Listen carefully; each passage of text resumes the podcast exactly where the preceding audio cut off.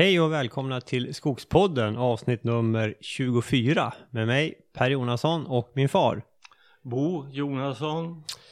Ja Bosse, nu eh, sitter vi i ett soligt Bergslagen igen men eh, det här avsnittet har vi inte spelat in här utan eh, nere i Småland.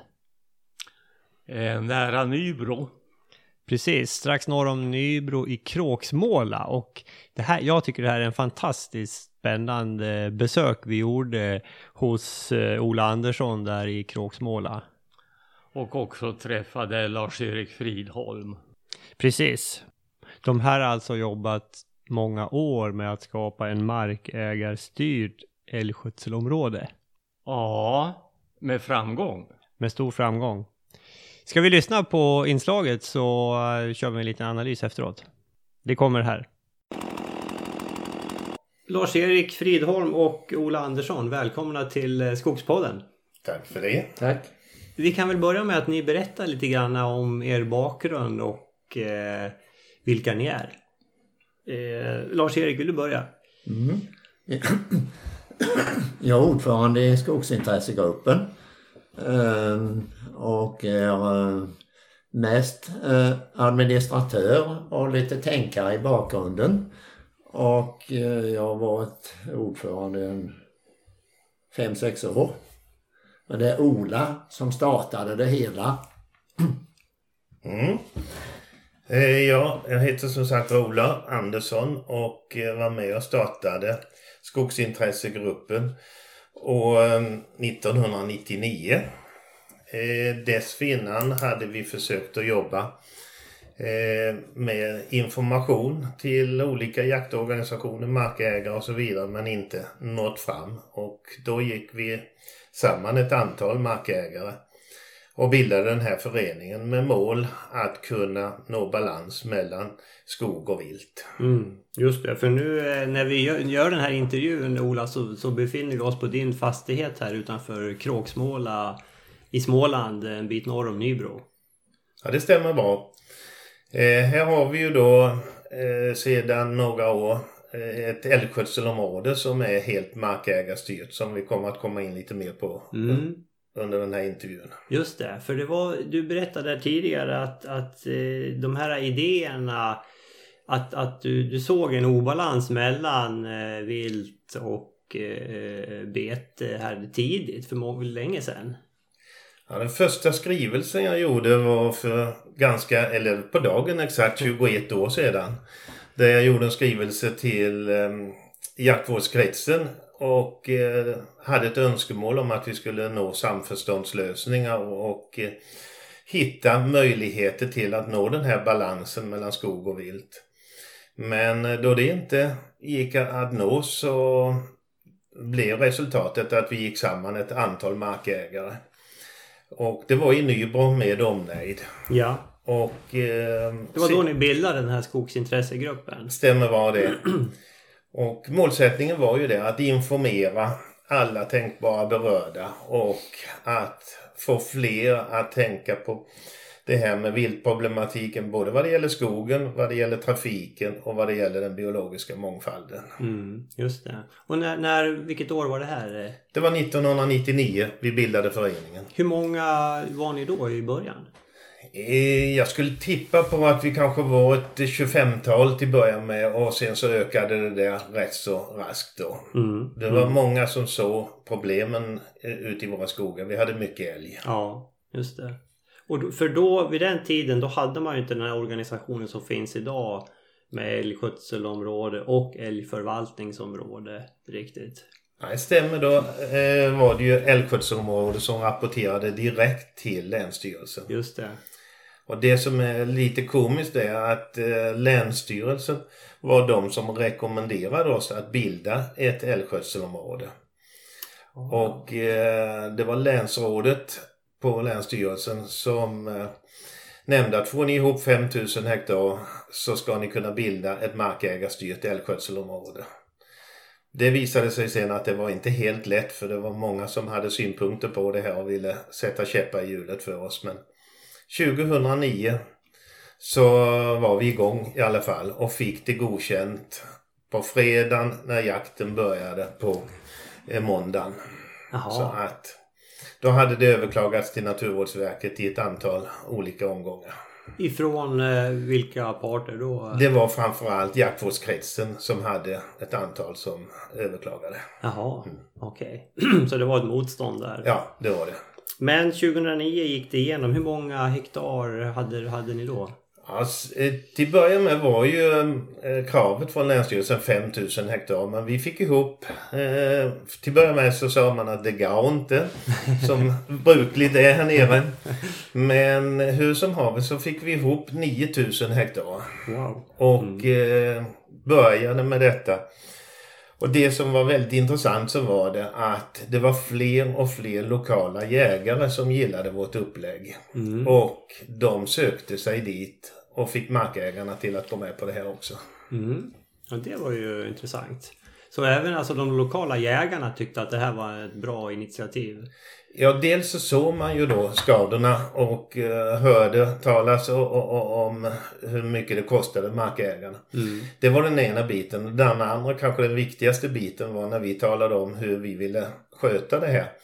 För vi sa att vi vill ha en älgstam av god kvalitet och då tror vi att det enda sättet är att sänka stammen för att på så vis få ett öka, en ökad fodermängd. Och när vi får en ökad fodermängd så får vi också bättre kvalitet på våra älgar. Eh, vi ville också ha ut det här lokala beslutsfattandet. Att det var markägare och jägare ute i byarna som kände och visste vilka skador har vi och hur behöver vi angripa det här. Mm. Och för att ge dem rätt möjligheter då så, så beslutade vi att vi ger en väldigt generös tilldelning.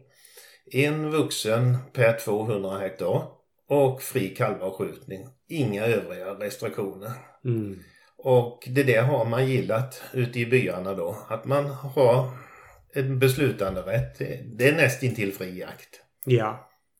Och då var det alltså, på, på, när det bildades, då fanns inte älgförvaltningsområdesorganisationer utan ni rapporterade direkt till Länsstyrelsen. Stämmer.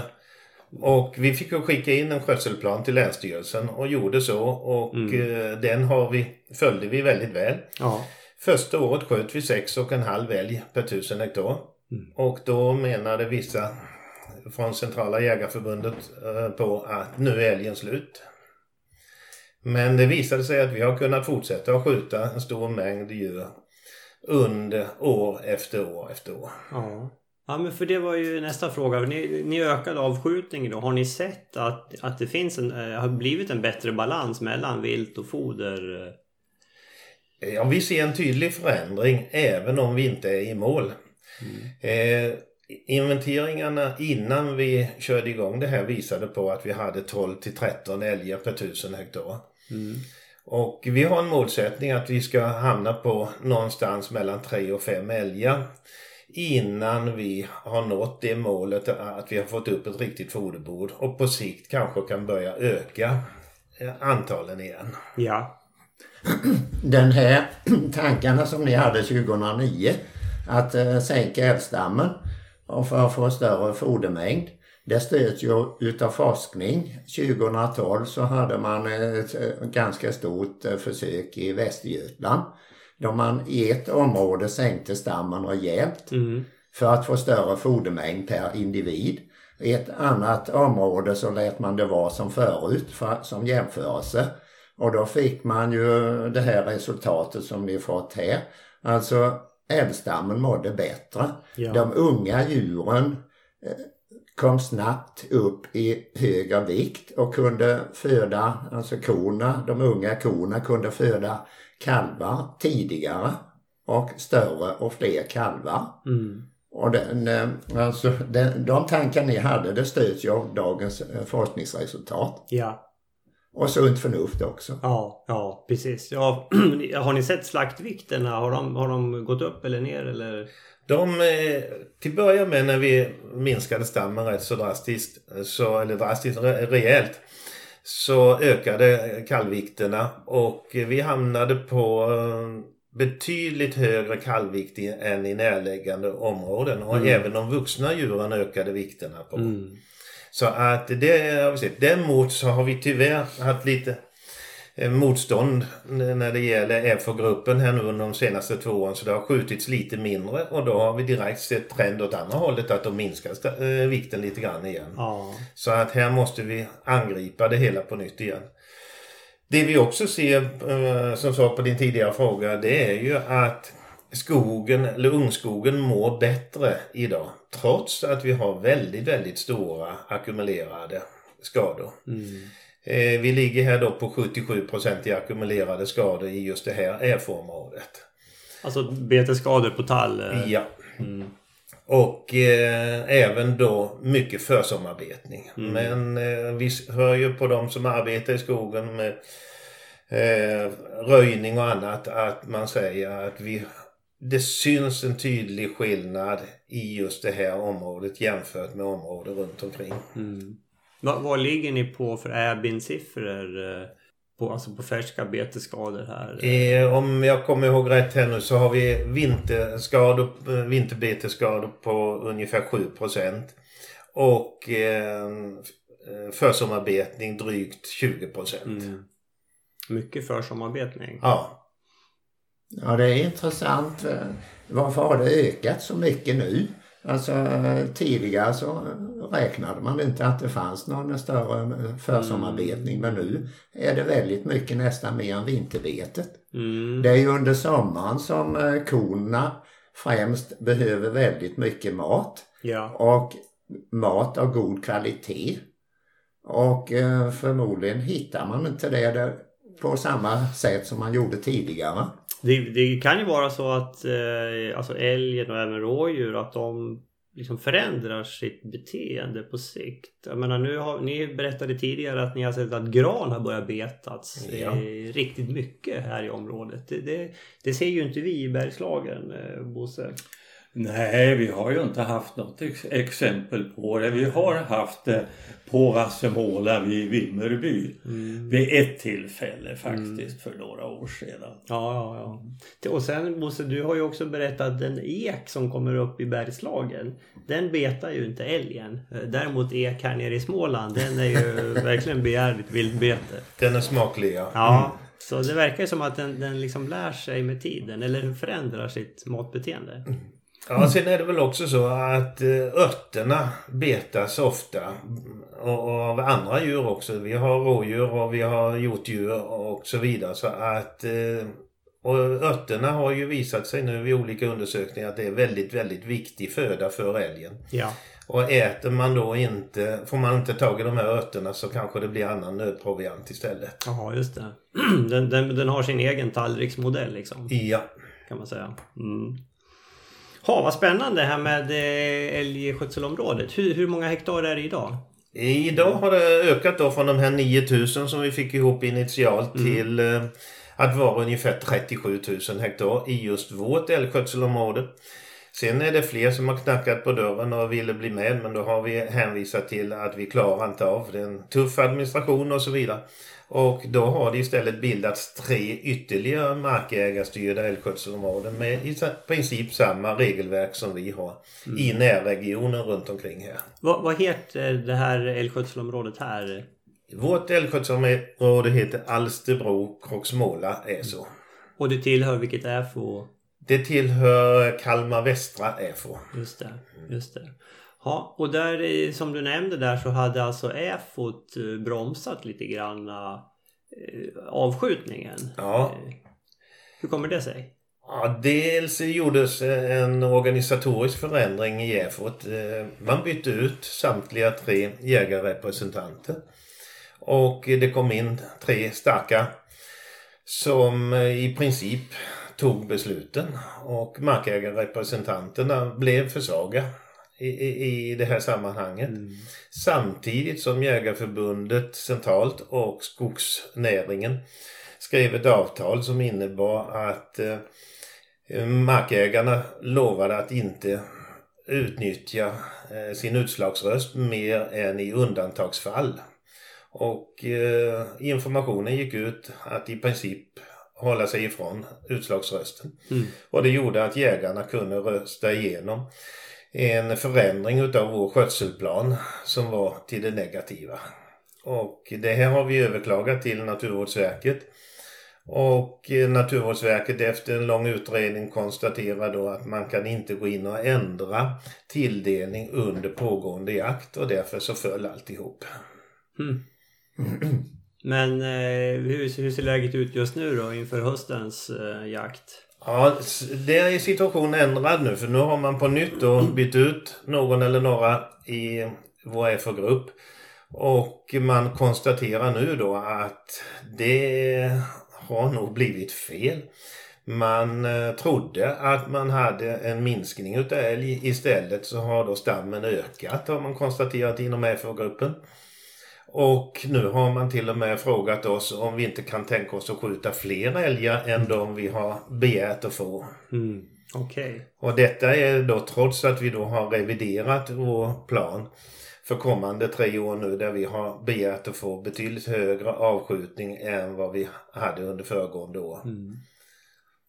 Ja men det låter ju positivt. Det låter positivt eh, förutsatt nu att Länsstyrelsen går på sam, samma linje som FO-gruppen. Det mm. har vi ju ingen garanti utan vi upplever det ju som ett litet problem organisatoriskt att de här posterna som tar beslut och handlägger viltfrågorna ofta handläggs utav sådana som står Jägarförbundet och jägarkåren väldigt nära då. Och där kanske inte markägarna står på fötterna på samma vis. Nej, Nej och, och det är ju lite, det är lite märkligt för med den här lokala organisationen som ni har skapat. Det var väl det man ville nå när man organiserade om hela älgförvaltningen. Man ville ha en lokal förankring. Ja, det stämmer. Så det här borde ju vara ett skolexempel på hur man jobbar med eh, viltskötsel och, och skogsskötsel. Men sen har vi ju en instans till och eh, det är ju Länsstyrelsen som har viltförvaltningsdelegationen. Mm. Och går man in och tittar hur den är representerad, dels är det ju politiskt och sen så är det ju olika intressegrupper. Så är det ju nästan genomgående jägare som sitter på de här mandaten. Och de styr ju då handläggarna delvis på Länsstyrelsen och informera FO-grupper och så vidare. Så att där har vi ett stort, stort problem. Mm. Markägarna kommer inte till tals, vare sig när det gäller LRF Södra. Utan de blir nedröstade i fråga efter fråga. Hur kommer det sig att det är så då? För jag menar, både som du säger LRF och även Södra. Södra är ju väldigt starka i Småland. 50 000 medlemmar. Det här borde ju vara ett, ett, ett stort intresse hos dem att driva de här frågorna. Samtidigt är det ju så att eh, många utav Södras medlemmar är ju mindre medlemmar, har mindre areal och lever inte utav skogen utan det kan vara så att intresset är större när det gäller de jaktliga frågorna. Mm. Och därför så är Södra, har Södra lite svårt att, att, att, agera fullt ut. För att man får inte samtliga medlemmar med sig. Mm. Samtidigt är det så att eh, Södra är ju helt beroende utav en eh, lever, eh, av sina leverantörer och det är ju medlemmarna. Ja. Och är det så att inte Södra får tillräckligt med virke så, så faller ju verksamheten. Mm. Och, och det kan bli en, en diskussionsfråga så att säga när det gäller den biten. Mm. Man får inte ställa sig på tvären mot vissa av medlemmarna här. Nej, nej. Men, men Ola, under de, här, under de här 20, drygt 20 åren du har hållit på med det här. Vad, vad, vad, vad, vad känns det som... Eh, vad, vad, är liksom lärdomarna? Du sa det här med att de lokala jägarna tycker att det här är positivt. Kan du liksom utveckla det? Ja, jag får från att ha varit ifrågasatt i, i, vid väldigt, väldigt många tillfällen så får jag idag väldigt många, inte bara jag utan hela styrelsen, för det måste jag också nämna, vi har en styrelse som är, är väldigt aktiv och positiv i vårt älgskötselområde. Men vi får då väldigt många klappar på axeln. Mm. Och eh, bara för att nämna några exempel så var det då en eh, både inbiten jägare och markägare som skrev till Naturvårdsverket och överklagade när vårt älgskötselområde skulle bildas. Och var väldigt, väldigt kritisk till det här två eller tre år efter vi hade bildat det så knackade han på dörren och frågade om han får komma med och bli medlem. Mm. Och ytterligare två år efter så säger han det här var det bästa vi har gjort. Wow. Och eh, så sent som i för några dagar sedan så träffade jag en kille som är inbiten jägare och jaktledare i ett stort jaktlag här. Han kom med för, kan det vara en fem sex år sedan. Och han berättade nu då att han var på vårt första möte och när han fick reda på vår inställning att vi skulle skjuta si och så mycket älg. Så idiotförklarade jag dig Ola, sa han, när du tog upp det här. Men nu, fem år senare, så är det bara att konstatera. Jag hade fel, ni hade rätt. Vi fortsätter skjuta mycket älg, men vi har fortfarande mycket älg kvar. Ja, Det är ju fantastiskt. Ja. Ja, det är stiligt. Sen måste vi väl säga att givetvis så finns det en och annan som kanske har annorlunda åsikt. Men eh, genomgående så är det väldigt, väldigt positivt. Mm. Ett annat eh, exempel på det här att det är positivt det är att vi har väldigt många besökande på våra möten. Mm. Vi har två stycken samrådsmöten per år där markägare och jägare möts och diskuterar vad vill vi ha ut av det här. Och hittills har vi aldrig haft olika åsikt någon gång. Eh, vi har sedan två stycken eh, ett årsmöte bara för markägare och vi har ett möte inför jakten. Där vi diskuterar eh, vad som gäller och så vidare. Mm. Och det kommer många besökande, både markägare, jägare och markägare och jägare som är både och, både markägare och Ja. jägare. Mm. Så att ofta har vi mellan 100 och 120 besökare på de här eh, informationerna eller mötena då. va. Om man lyckas komma överens om eh, mål och, och eh, så. Lokalt har vi inte haft några som helst problem. Mm. Så här långt. Det är ju fantastiskt. Ja, Hur många jaktlag ingår det i eh, älgskötselområdet? det är 80 stycken idag. 80 stycken. Så det är en rätt så tung administration. Ja. Men det här är ju just att ni har separata speciella möten också för, markäg för markägarna. Ja. Det har inte jag hört talas om i några andra områden utan det blir ju ofta jägardominerade möten. Ja, nej, årsmötet är enbart för markägare. Mm. Men Otroligt. som sagt vi har aldrig tagit något beslut som har gått emot det vi har varit överens om på samrådsmöte. Mm. Hur upplever du då, så lokalt är liksom det positivt både för markägare och jägare. Men du sa på, på vad, vad säger Jägarförbundet centralt? Ja, centralt så förstår de det hela säger man då när vi pratar med dem. Men samtidigt, man agerar inte för att stötta oss. Och på länsnivå så känner vi ett rejält motstånd. Så pass att det finns ett antal jägare i vårt älgskötselområde som har demonstrerat genom att avgå och klart skrivit i sin avskeds, eh, sitt avsked att det är beroende på hur man hanterar Alstervåg och Småla är så. Jaha. Beträffande eh, inventeringen, ni har alltså gjort en flyginventering. Ja. Eh, gör ni några spillningsinventeringar? Nej, vi har valt att inte göra det för att vi säger vi har en Airbin och Airbin den täcker det hela. Och samtidigt så har vi ju sett i Miratal-projektet att de spretade rätt så rejält resultaten ifrån spillningsinventering och ifrån Airbin. Och då sa vi då är det bättre att vi har ett underlag och det är fullt tillräckligt med Airbin. Om alla förlitar sig till det så borde vi kunna komma rätt så långt. Mm. Kallvikt och ebin är två tunga saker när det gäller att mäta kvaliteten. Eh, Är det bra kallvikter då, då mår ju älgstammen bra. Ja. Men eh, det här som du säger om eh, samarbetet. På lång sikt är det väldigt viktigt att ha en god stämning i skötselområden. Och att om vi tänker på hur jägarkåren ser ut. Jag förmodar att den efterhand blir äldre. Och eh, många äldre markägare de har sina barn och barnbarn som kommer och gästjäga, eh, gästjaga. Och eh, då kommer de en vecka då när älgjakten har börjat. Och sen får de reda på nu har vi infört restriktioner. Första veckan får ni inte skjuta ko. som har en, en eller två kalvar och ni får inte skjuta den sista kalven. Och det innebär att det är så många älgar som får passera utan att man får avlossa något skott. Det är skjuttillfällen, man får inte utnyttja dem. Mm. Nej, det här det var inte roligt. Jag kommer inte nästa år, nu får det vara. Mm. Alltså, det, det, är så många aspekter man ska tänka på. Man ska bygga upp ett intresse för vi behöver jägarna. De, de är ju, alltså det är den Sveriges viktigaste hobby. Så är det jägarna. Ja. Eh, vi behöver jägarna och vi behöver nya jägare mm. och vi behöver skapa en stämning som gör att det är roligt att jaga. Mm. Och det har Ola lyckats med. Mm. Ja det låter ju som att ni har ju lyckats med, det är ett skolboksexempel då när man är överens på lokal nivå och har ökat avskjutningen med, och, och fått ner betestrycket men det finns fortfarande älg att jaga.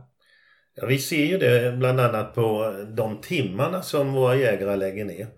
Eh, man kan ju mäta det under älgjobbstiden, de fem första jaktdagarna. Och där kan vi konstatera att vårt älgskötselområde, där jagas det då ungefär dubbelt så många timmar under de här fem dagarna som det görs i snitt i Kalmar län. Mm. Så att det tyder ju på att jägarna tycker det är lönt att gå ut och de tycker det är intressant. Och de uttrycker ofta en tillfredsställelse i vårt sätt att mm. sköta det här. Mm. Får, får ni ofta besök ifrån andra områden eh, för att liksom eh, se och lära hur man kan göra? Alltså många som är nyfikna på det här? Nej, det kan vi inte säga. Det är, när det skrivs i ATL eller någonting så, så blir det några samtal. Och det vi har varit generösa med då är att skicka ut våra stadgar så att man ser hur vi har lagt upp det hela. Mm. Men eh, eh det är inte särskilt ofta. Nej, okay. Det vi däremot har gjort så är det ju då att vi i skogsintressegruppen i Nybro har bjudit in många eh, riksdagspolitiker, lokala politiker, eh, tjänstemän, bland annat då, för att ta några exempel, generaldirektören för Skogsstyrelsen, före generaldirektören Monica Stridsman. Mm. Som var på ett möte och där hon fick ganska så klart för sig hur skogsbruket såg på det här i Nybro. Och det föranledde sedan att hon eh, startade projektet Meratal i eh, grannkommunerna här. Ja. Och ett projekt som då har pågått under fem år. Eh, man fick fram väldigt mycket fakta i det här Miratal-projektet men dessvärre så upplever jag väl att man inte har kommit till rätta med problemet på något vis. Men det finns ett rejält underlag att jobba med. Ja. Eh, innan inspelningen började här så pratade ni några ord om det här med tillgången på varierad föda i skogen och viltolyckor på vägarna. Mm. Det, det, tycker jag är kunskap värd att sprida. Ja, när vi körde igång det här projektet så gjorde vi en flyginventering och kom fram till att vi enligt den hade ungefär 12 älgar per 1000 hektar.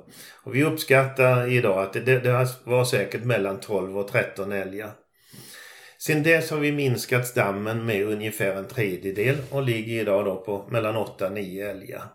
Det som är intressant är då att denna tredjedelen minskning utav älgar har medfört att trafikolyckorna har minskat med två tredjedelar.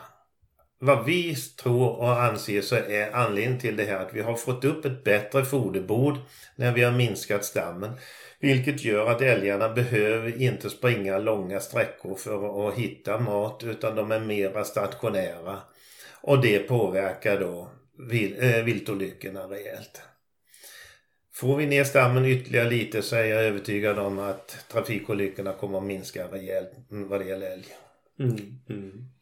Man hör ju, eller hörde från början från jägarhåll att eh, den här gruppen kunde vara ett hot mot älgen. Men eh, jag upplever ju att eh, det är en fördel för älgstammen att vi får en bra kvalitet, att vi har gott om mat. Det vet ju alla djurbönder. En förutsättning för bra produktion är att man har bra med mat och rätt mat. Mm. Och det är så väldigt svårt att, att veta vad som är rätt mat. Alltså om vi människor går ut och tittar så kan vi se eh, trots att vi har så högt betestryck, ja men där ser vi ju ett väldigt fint grupp med, med tallar som är så gott som obetade. Det kan ju inte vara något högt betestryck. Men älgen ser ju dåligt. Den ser ju inte den här fina eh, tallgruppen. För älgen väljer ju inte mat med hjälp av synen. Den väljer med hjälp av lukt och smak. Ja. Och vi vet ju genom forskningen att eh, olika träd smakar olika bra. Mm. Och eh, då, då väljer den eh, det som passar dem. Mm. Och på vissa marker kanske innehållet av näringsämnen är sämre. Och eh, då, då vet man inte det. Så det är väldigt svårt för oss människor att avgöra Mm. eh, eh, hur, bara genom att gå ut och titta om det är högt betestryck eller inte. Mm. Men där har vi ju EBIN som eh, tar fram en statistiskt underlag från ett väldigt stort område. Mm. Och det är ju vetenskapligt säkrat. Det måste vi lita på. Mm. Absolut. Vad, vad är reaktionerna hos eh, Länsstyrelsen? Eh, Jag tänker på, jag menar det här med dels det, det, det fina lokala samarbetet men även att ni har fått ner då alltså viltolyckorna, att det har minskat så. Vi hör inga positiva kommentarer från Länsstyrelsen utan eh, de tycker kanske mera att vi är lite jobbiga som inte följer alla andra regler som eh, övriga länet gör så att säga. Mm. Och det är ju den bild som våra vilthandläggare har att vi skjuter för mycket och så vidare. Mm. Mm. Och de här reglerna kan man också fundera över. Eh, Alla älgskötselområden har olika regler. Hur, hur man ska skjuta och Ja. tilldelningen och så vidare.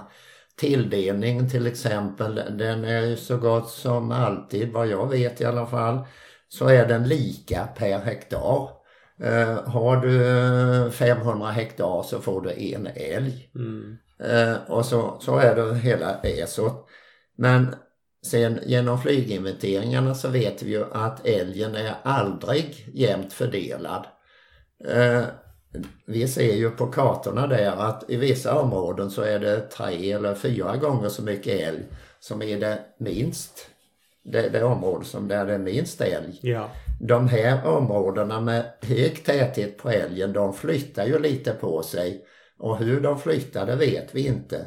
Men det här det kan ju i extrema fall åtminstone innebära att de som har en älg per 500 hektar, de kan inte skjuta den för det finns ingen älg. Till exempel om de får tilldelning på en ko, då finns inte den just där. I ett annat område så finns det väldigt mycket älg men de får inte skjuta mer än hälften av vad de skulle kunna.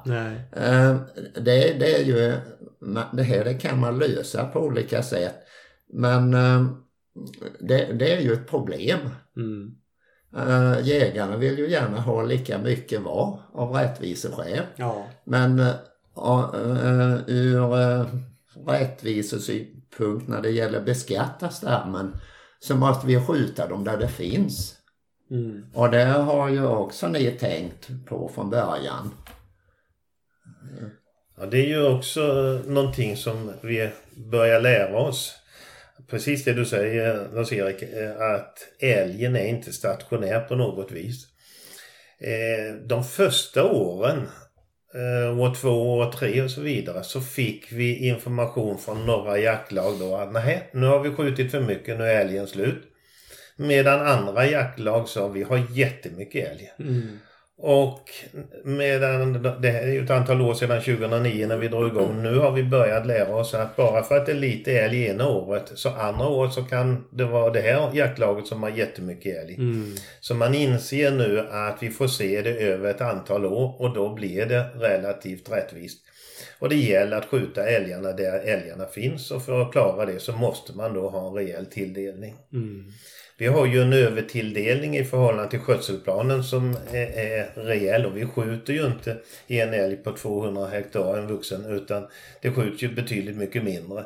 Men vi har möjligheten där vi har stora problem och skador att skjuta.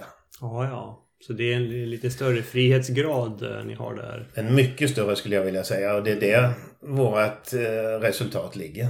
Ja, ja. Och älgskötselplanerna är ju treåriga och ni får ju skjuta det här eh, tilldelningen under treårsperioden, det vill säga ni får jämna ut det. Nej. Nej.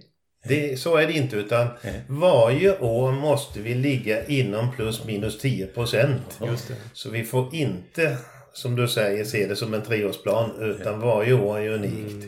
Och det är ju antal tjurar ska vara inom plus minus 10 procent, antal vuxna hondjur inom plus minus 10 procent och antal kalvar inom plus minus 10 procent. Så det gäller ju att klara att leva upp till det här. Men då ligger, alltså nu har ni så pass hög tilldelning så ni har den här frihetsgraden då, kan Just man säga. Och i några fall så har vi ju då blåst av jakten när vi har nått det skötselplanen då säger. Va? Mm, just det. Hur, hur pass väl, hur, hur nära brukar ni ligga då i avskjutningarna historiskt? Historiskt har vi legat väldigt nära förutom senaste året då man gick in och ändrade våra planer helt och hållet ifrån såväl FO-grupp som eh, länsstyrelse. Länsstyrelsen. Där man eh, då sa att vi skulle skjuta mycket mindre vuxna djur och betydligt fler kalvar. Och det innebar att vi sköt över på vuxna djur och vi klarade inte kalvandelen. Nej, okej. Så nu har vi då i vår nya plan ändrat det helt och hållet så som vi vill ha det. Så nu är, ni, nu är ni tillbaka back on track? Precis, och Ja. förhoppningsvis så ska vi få igenom det här då Ja, det. Mm.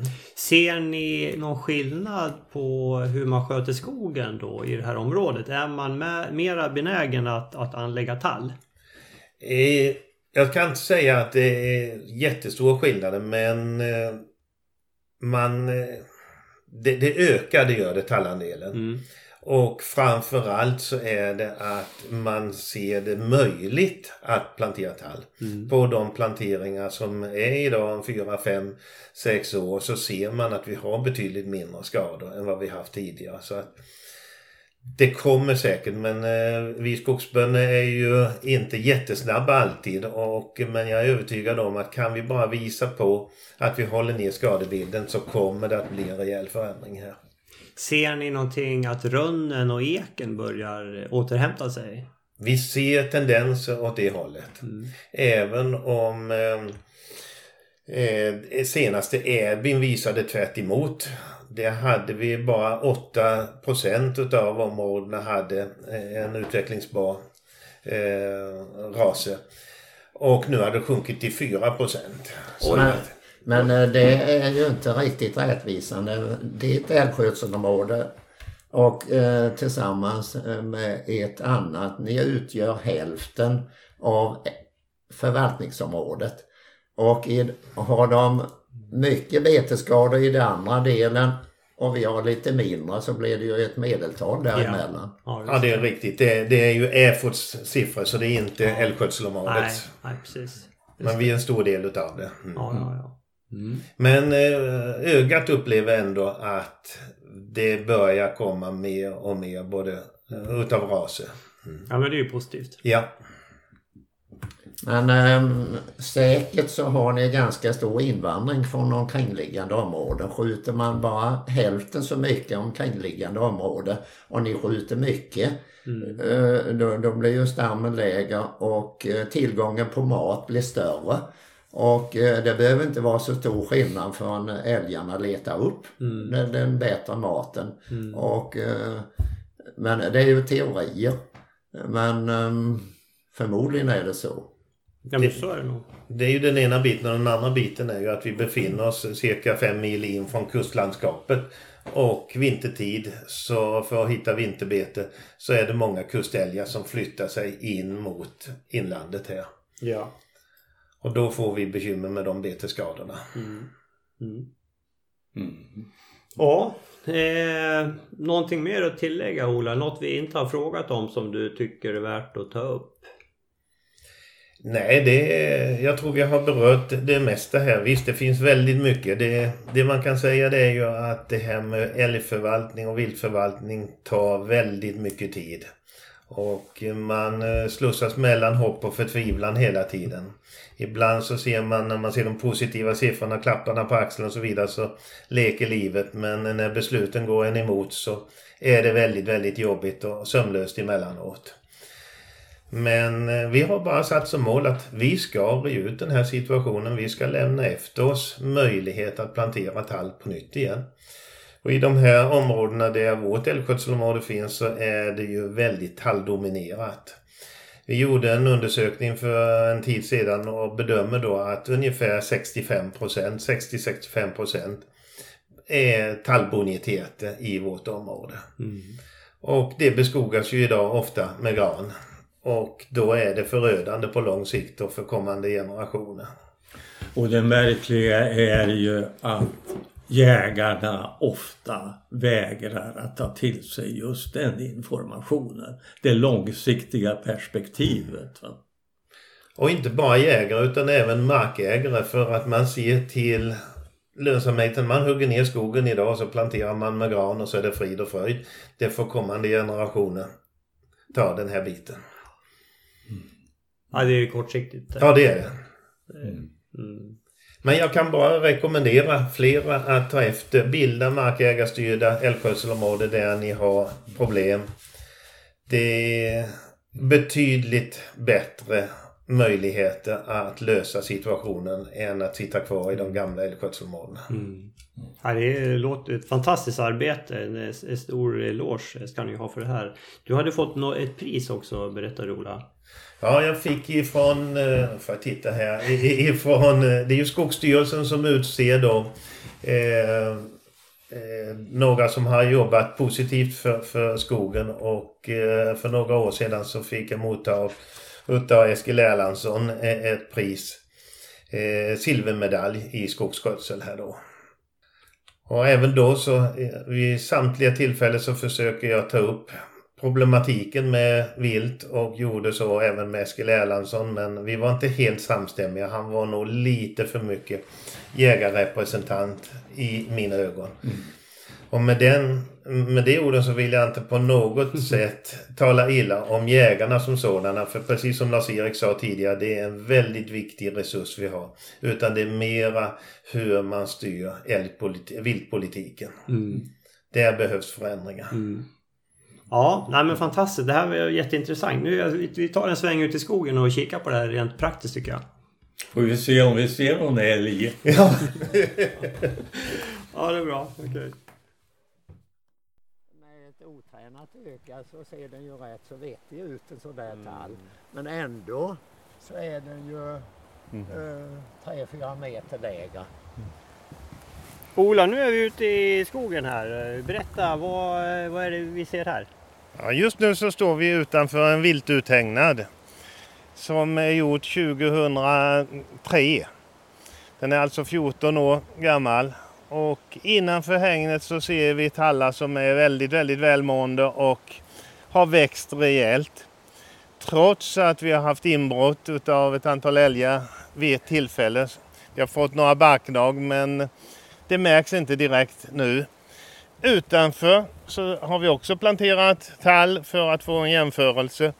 Och eh, där är skillnaden enorm, både vad det gäller storlek på träd och vad det gäller skador i form av både barknag, sprötkvist och så vidare. Mm. Mm. Och helst skulle man ju vilja odla tall så att det ser ut som det gör innanför, som det gör innanför hängnet utan att hängna. Ja.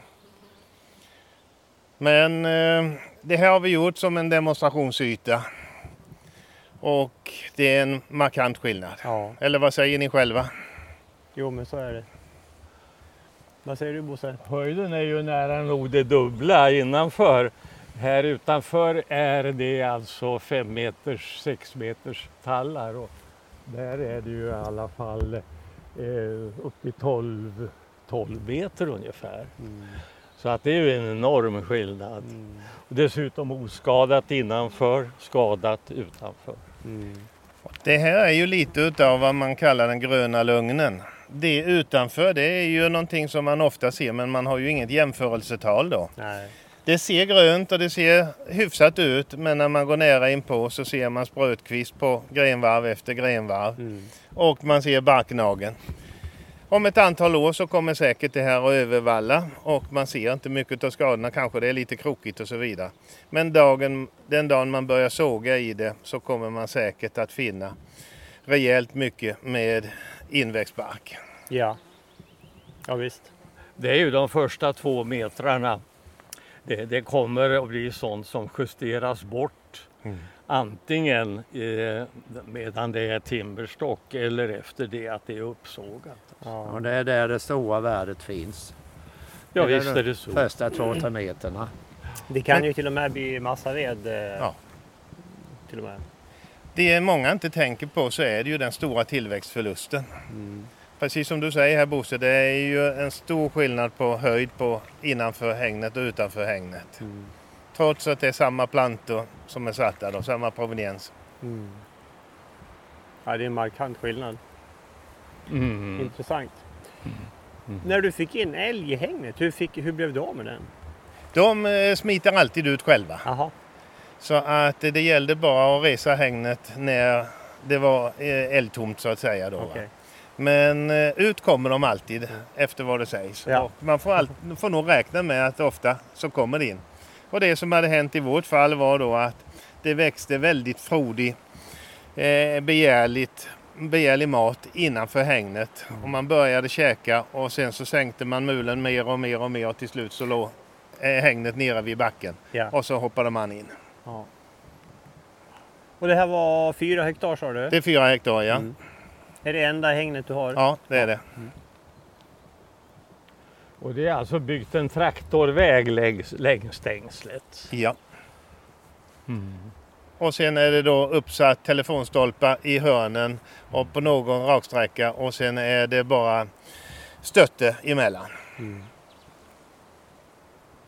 Det- Och telefonstolparna de är ditsatta med hjälp av grävare. Ja, precis. Vi planade till marken lite grann då när vi hade grävaren och satte ner stolparna. Ja, det är ett tydligt exempel på hur det, hur det kan se ut. Mm. Verkligen. Eh, Och medan vi står här får jag se en brakvedsplanta. Där borta. Ja, titta. Det visste inte jag att den heter brakved. Ja, nu, nu är vi tillbaka i Ola. Nu är vi tillbaka inifrån skogsturen. Ska vi försöka sammanfatta hela det här vad vi har eh, sett och hört idag? Vad, vad säger du Bosse? Vad är dina intryck?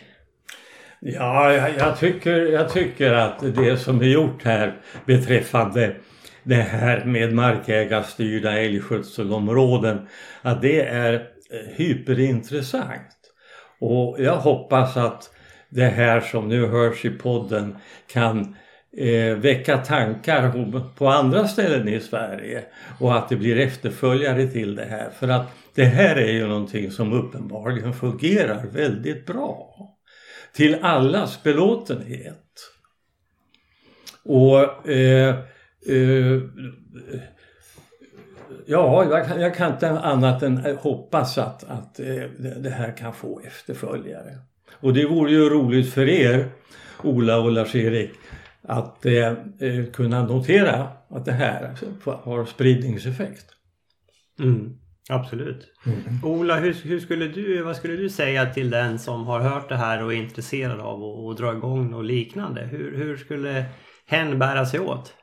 Det viktiga ju är, är ju att man är några stycken som kan ha samma åsikter och kan komma samman och bilda eh, ett älgskötselområde med en tillräcklig areal då.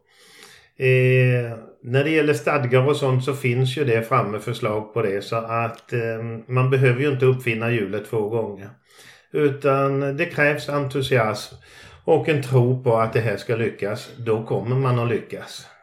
Mm. Mm. Sen är det ju också väldigt viktigt som vi har sagt tidigare att man då som markägare också respekterar jägare och att man har en dialog sinsemellan. Det handlar ju inte om att slå ut den ena eller den andra för bägge är ju beroende av varandra. Och vi ska hitta en balans mellan vilt och skog. Och det ska inte vara några ytterligheter åt något era hållet utan en lämplig balans. Tycker jag låter som eh, bra sammanfattning och bra eh, slutord. Eh, Lars-Erik, har du någonting att tillägga? Ja, ja, det här med jakt och viltförvaltning det är ju ganska slutet. Man har låst sig vid ett sätt att arbeta och vi ser här nu att man kan göra på olika sätt och man måste sprida eh, och ta till sig nya uppgifter, ny forskning och nya sätt att arbeta. Och det går faktiskt att göra på andra håll med lyckade resultat. Och det går att samsas med, med skog och vilt. Mm. Den ene ska inte äta ut den andra. Nej. Nej.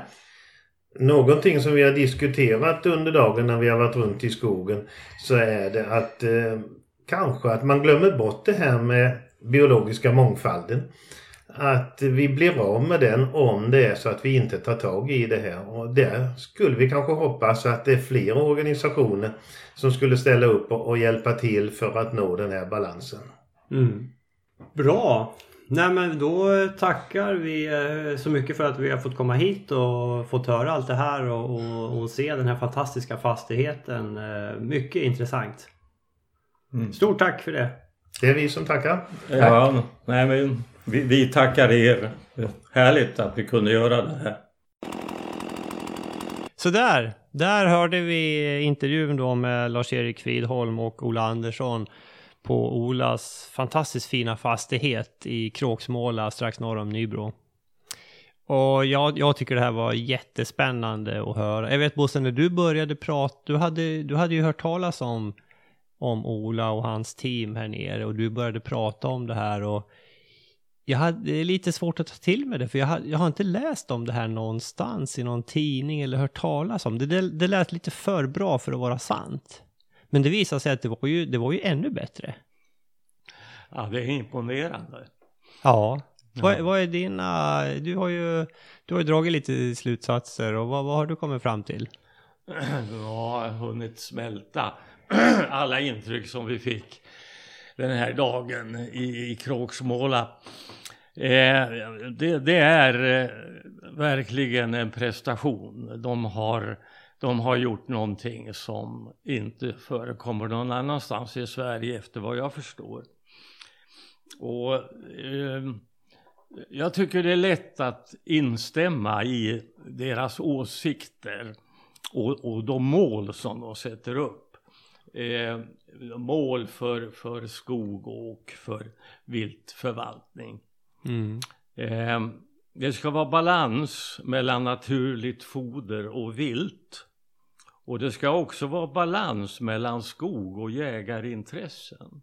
Mm. Eh, viltstammarna ska vara på en sån nivå att det går att producera bra talltimmer. Att det går att plantera tall och, och av det få bra talltimmer.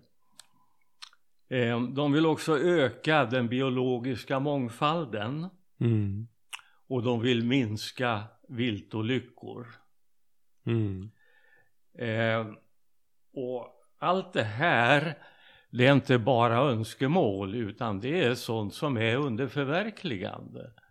Eh, utvecklingen där går i den här riktningen.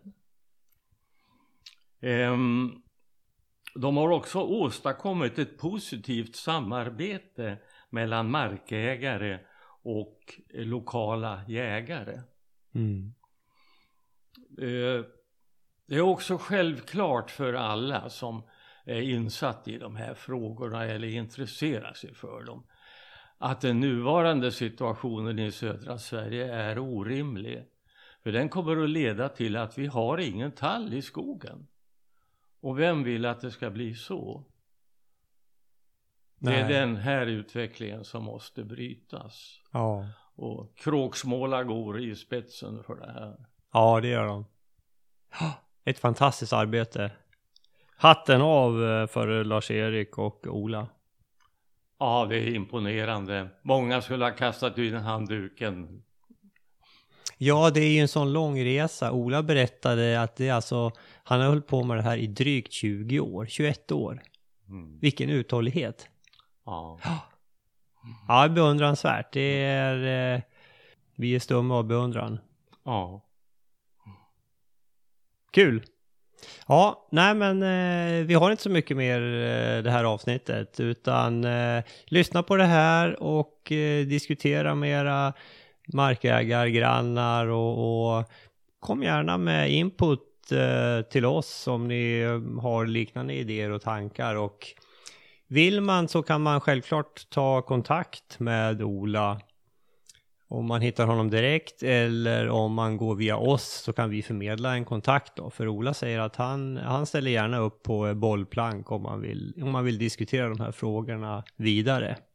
Han, han och Lars-Erik brinner ju för det här så vi, vi är välkomna att använda dem som bollplank och bolla idéer. Det, det hela är ju i väldigt hög grad fråga om engagemang från markägares sida. Alltså. Ja. Och inte låta den här viktiga frågan eh, att inte överlåta den helt och hållet till jägarintressena. Nej. Nej, vi, vi måste eh, ta tillbaka initiativet till, till markägarsidan helt klart. Så är det. Som vanligt är det här fråga om äganderätt. Äganderätt och ha en, eh, att vi ska ha en levande landsbygd där man kan leva på sin skog om man, eh, har, om man är små, små skogsbrukare. För att kunna leva på sin skog måste man kunna producera bra talltimmer på tallmark. Så är det. Mm. Alright. Då eh, tackar vi för oss och tackar för att ni har lyssnat och eh, vi hörs eh, snart igen. Tack för mig också.